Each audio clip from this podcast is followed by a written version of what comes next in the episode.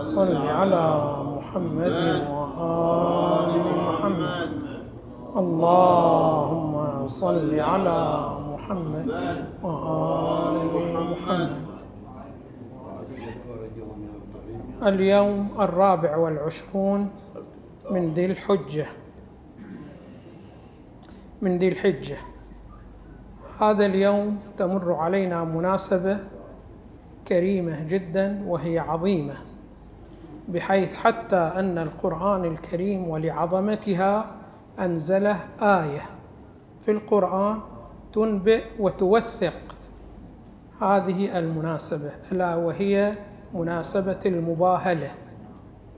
ففي هذا اليوم خرج النبي صلى الله عليه وآله مع علي بن أبي طالب ومع فاطمة ومع الحسنان وباهل النصارى في صحة الدعوة الإسلامية. فهنا نحن عندنا بعض الوقفات وقبل أن نذكر هذه الوقفات نقرأ الآية المباركة. يقول سبحانه وتعالى في كتابه الكريم بسم الله الرحمن الرحيم. فمن, فمن حاجك فيه من بعد ما جاءك من العلم فقل تعالوا ندعو أبناءنا وأبناءكم ونساءنا ونساءكم وأنفسنا وأنفسكم ثم نبتهل فنجعل لعنة الله على الكاذبين. ففي هذا اليوم تصدى النبي صلى الله عليه وآله لإثبات صحة دعوته بطريقة أخرى من الطرق.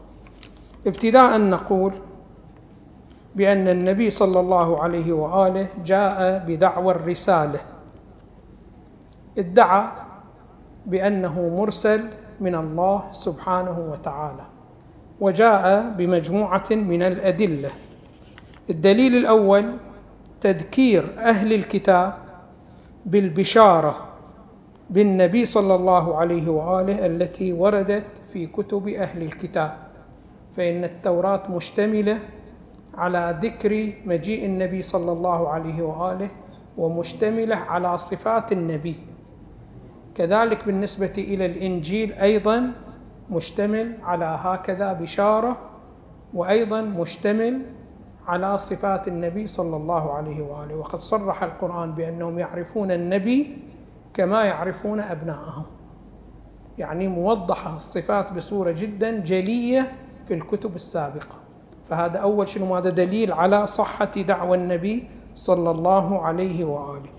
الدليل الثاني حسن سلوك النبي صلى الله عليه وآله. فإن النبي ما جاء من دولة بعيدة من مسكنهم وإنما عاش في نفس بيئتهم واطلعوا على أخلاقه وعرفوه برجاحة العقل وعرفوه بالصدق وعرفوه بالأمانة. وهذا دليل جدا على شنو ماذا على صدقه فيما يدعيه. فإن الكاذب يسجل عليه أكثر من كذبه. ومن يكون سلوكه منحرف يتضح كذبه من خلال سلوكه. والنبي صلى الله عليه وآله تبين لكه تبين لهم بأنه صاحب سلوك حسن جدا وتبين لهم صدقه ورجاحة عقله. فما معقول لم يكن مرسل من الله سبحانه وتعالى ويدعي هكذا أمر جدا كبير عليه. الدليل الثالث وهو الأهم جدا جدا وهو شنو ماذا؟ إعجاز القرآن. فإن القرآن يشتمل على علوم يعترف بها أهل الاختصاص بأنها لا يمكن أن تأتي من بشر وخصوصا من النبي محمد صلى الله عليه وآله. فإن النبي عاش اميا ولم يتتلمذ لا على يد علماء سابقين ولم يتتلمذ في مدرسة أو في جامعة أو في مؤسسة علمية. فكيف له أن يأتي بهذه العلوم الراقية جدا إذا لم يكن مسددا من الوحي من الله سبحانه وتعالى؟ فمن يتأمل القرآن يتضح له صحة دعوى النبي صلى الله عليه وآله بأن القرآن مشتمل على كثير من العلوم لا يمكن لواحد من البشر أن يأتي خصوصا إذا كان هذا البشر بمستوى النبي صلى الله عليه وآله. من حيث عدم دراسته ومن حيث عدم معرفته بالقراءة ولا الكتابة يعني لم يكن يقرأ الكتب السابقة ولم يطلع على آراء السابقين حتى تقول بأن هذا القرآن جمعه من آراء السابقين. فإذا ليس هناك مبرر للقرآن إلا وأنه جاء من الله سبحانه وتعالى وأرسل الله سبحانه وتعالى النبي صلى الله عليه وآله. فهذه أدلة ثلاثة جدا قوية وجدا شنو ماذا؟ متينة. الله سبحانه وتعالى وظف النبي صلى الله عليه وآله بأنه يذكر, يذكر هذه الأمور إلى شنو ماذا؟ إلى أهل الكتاب. فذكر لهم أولا شنو ماذا؟ ذكره في كتبهم السابقة. فأنتم إذا كنتم مصدقين بكتبكم أنتم مصدقون بالتوراة وبالإنجيل فلا بد أن تصدقوا بجميع ما جاء فيها. ومن الأمور التي جاءت في هذه الكتب ذكر النبي صلى الله عليه وآله وأنه سيأتي وينسخ الديانة اليهودية والديانة النصرانية. هذا موجود شنو؟ هذا في كتبكم. فأنتم إذا لم تقبلوني كرسول في الواقع لم تقبلوا كتبكم أنتم واضح. شلون؟ لأن كتبكم تنص علي أنا وتنص على صفتي وإلى آخره بهذه المسألة. إيه. الأمر الثاني أنه أنا عايش بيناتكم وتعرفون سلوكي وتعرفون شنو ماذا أمانتي وصدقي. فما لكم شنو ماذا مبرر في رفض مدعائي الأمر الآخر بأنه فيكم عقلاء وفيكم علماء أنتم تدعون بذلك. فتعالوا تأملوا في القرآن وانظروا القرآن ما هو فيه. هل ينسب شيء لله سبحانه وتعالى لا تنسبها كتبكم أنتم من الأمور الصحيحة. يمكن الآن في كتبهم باعتبار كتبهم اشتملت على التحريف. واضح شلون؟ فما اشتمل من كتبهم من التحريف فهذا غير موجود شنو ماذا في القرآن. بل القرآن شنو ماذا يكذبه؟ أما المطالب الحقة كما هي موجودة في التوراة وفي الإنجيل موجودة أيضا شنو ماذا في القرآن. فإن القرآن مو أمر مباين ومنعزل عن التعاليم والمعارف التي هي موجودة في الإنجيل والتوراة وإنما تعميق لما موجود في الإنجيل وفي التوراة. فإذا الإنجيل والتوراة الحقة القرآن لا يتنافى معها ولا يتناقض معها وإنما هما نفسهما من حيث أن مصدرهما وهو الله سبحانه وتعالى واحد ما في كتاب يكذب الكتاب الآخر بهذه الصورة. ولكنهم لم يلتفتوا لهذه المناقشة وهذه الأدلة. فمباشرة الله سبحانه وتعالى كلف النبي بطريقة أخرى. وهي ما يعبر عنه اليوم شنو ماذا؟ بالفيتو. خلاص أنت بعد استعمل الفيتو قباله. وهو أنه تعال وقول بأنه أنتم تدعون بأنكم على الحق وأنا أدعي بأني على الحق. راح كلانا نتوجه إلى الله سبحانه وتعالى ونسأله أن يجعل لعنته وينزل عذابه على شنو؟ ماذا على الكاذب منا. فإذا أنا الكاذب الله سبحانه وتعالى ينزل علي العذاب وإذا أنتم الكاذبون الله سبحانه وتعالى ينزل عليكم العذاب. واضح شنو؟ باعتبار أنه شنو ماذا؟ باعتبار أنهم ما ارتضوا بالطريقة التي تتناسب مع الإنسان. الله سبحانه وتعالى خلق الإنسان وطلب منه أن يصدق أنبياءه. الآن الأنبياء عندما يطالبون البشر بأنهم يصدقوهم البشر يختلفون مو على مستوى واحد. فبعض البشر هم شنو ماذا عقليون والذي يليق بالإنسان بما هو إنسان أن يكون دائما متعقل. ولكن قليلا من البشر الذي يكون شنو ماذا يوجههم العقل. الكثير من البشر يوجههم العصبية وتوجههم الأمراض النفسية ويوجههم التقليد. فللأسف الشديد عندنا كل واحد من عندنا عنده عقل ولكن للأسف الشديد هذا العقل شنو ماذا؟ عاطل عن العمل. من وظفه شنو ماذا؟ يعني شوف يوم يوميا نسمع الكثير من الدعاوى. ولكن ما نشغل شنو ماذا؟ عقلنا حتى يبين لنا ما هو الحق من الباطل. وإنما توجهنا أمراضنا النفسية وعصبياتنا وتقليدنا وإلى آخره. يقولون في زمان الدولة العباسية الدولة العباسية بدأت حدود في ال 245 هجرية يعني بعد 245 سنة من وفاة النبي صلى الله عليه وآله. يقولون شنو ماذا؟ أحد الأشخاص كان في السوق. ينادي أو أحد الأشخاص شنو ماذا من العلماء في ذلك الزمان. جاء له شخص برغيف خبز أعطاه فأخذ هذا العالم يأكل الرغيف الخبز في في السوق. فعاتبه من أعطاه الرغيف قال له كيف تأكل في السوق وأنت شنو ماذا عالم؟ والمفروض أن الأكل في السوق دناءة لا يتناسب معك وإلى آخره. فقال له وهل تحسب أنت من في السوق هم هؤلاء؟ من أفراد الإنسان هؤلاء؟ هذول مو من أفراد الإنسان. ما عليك أنت الشكل شكل إنسان. ولكنهم ليسوا بأفراد للإنسان. ما ينتمون للإنسانية؟ قال لي كيف؟ قال لي أنا أثبت لك الآن. يقول ارتفع على تله من التراب ونادى أيها الناس أيها الناس أيها الناس.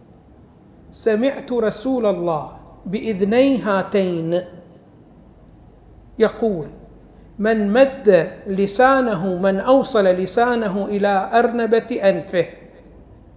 دخل الجنة بلا حساب. ونزل من التلة قال انظر لهم. كل واحد شنو ماذا منزل راسه ويحاول شنو ماذا يوصل لسانه إلى شنو ماذا إلى أرنبة أرنبة نفسه أرنبة أنفه. قال انظر إليهم. خب أنا الآن أنا في سنة 2245 فشلون أنا شنو ماذا سمعت النبي بهاتين الأذنين؟ ما عندهم عقل. واحد يقول لي شلون أنت سمعت النبي؟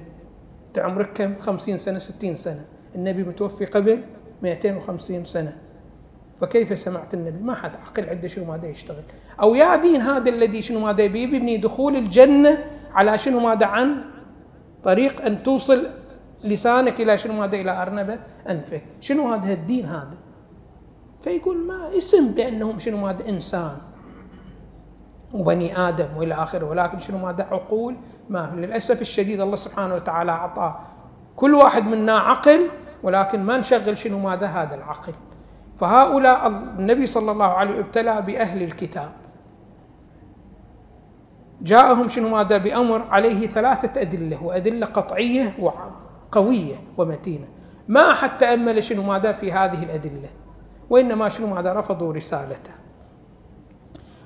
هو شنو ماذا من محبة الله سبحانه وتعالى إلى البشر ولعلمه بأنه ما أحد راح يشغل عقله إلا القلة القليلة جدا. واضح شلون؟ قبل تدين الناس بوسائل أخرى وإن لم شنو ماذا؟ يبت فيها بالعقل. فإذا الإنسان آمن بالنبي صلى الله عليه وآله وصدق بالنبي صلى الله عليه وآله خوفا من النار وصدق بالله سبحانه وتعالى خوفا من النار قبله قبل هذا الإيمان. وإذا شخص من الأشخاص قبل بالنبي وصدق النبي وآمن بالله سبحانه وتعالى طمعا في الجنة الله سبحانه وتعالى أيضا شنو ماذا قبل هذا الإيمان؟ هذا كله تفضل من الله سبحانه وتعالى. ولذلك أمير المؤمنين سلام الله عليه يقول العبادة تتصور على ثلاثة أنحاء عبادة خوف وعبادة طمع وعبادة لأن الله سبحانه وتعالى يليق بالعبادة وهي عبادة الأحرار. أما العبادة الأولى عبر عنها بعبادة العبيد عبادة الخوف والعبادة الثانية عبادة التجار وهي عبادة الطمع. الله سبحانه وتعالى هي مو عبادة حقيقة. ولكن الله سبحانه وتعالى تفضل لأجل محبته للبشر وقبلها كعبادة. وإلا هي في الواقع شنو ماذا؟ ليست بعبادة. الوقفة الأخرى أنه دائما الأنبياء إذا جاءوا وهكذا المصلحون.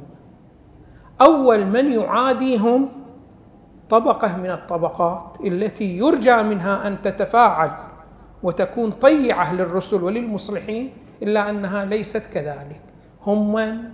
هم الطبقة المتدينة. طبقة المتدينة دائما هم أول من؟ يحاربون الرسل ويحاربون الأئمة ويحاربون الأولياء. فتلاحظون الآن لو أهل الكتاب اليهود والنصارى مشوا مع النبي صلى الله عليه وآله من أول الأمر. المشركين ما كانوا شنو ماذا يتشجعون للوقوف أمام النبي صلى الله عليه وآله. ولكن لأنهم هم عارضوا النبي بل قاموا بالتهيئة الأسباب بالتعاون بينهم وبين المشركين في حرب النبي صلى الله عليه وآله. لذلك كثير من الحروب التي ابتلي بها النبي بسبب من؟ بسبب هذه الطبقة المتدينة شنو ماذا اليهودية والنصرانية هذا مو فقط في اليهودية والنصارى حتى إحنا شنو ماذا بالنسبة لنا المسلمين أيضا. إذا جاء واحد مصلح سواء كان إمام أو ها أو بعنوان آخر فإنه الذي يحاربه أولا هو شنو ماذا الطبقة المتدينة.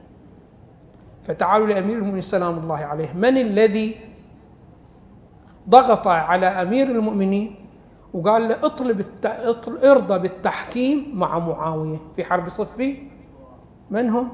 أصحاب القطع السوداء في جباههم من كثرة السجود وإلى آخره.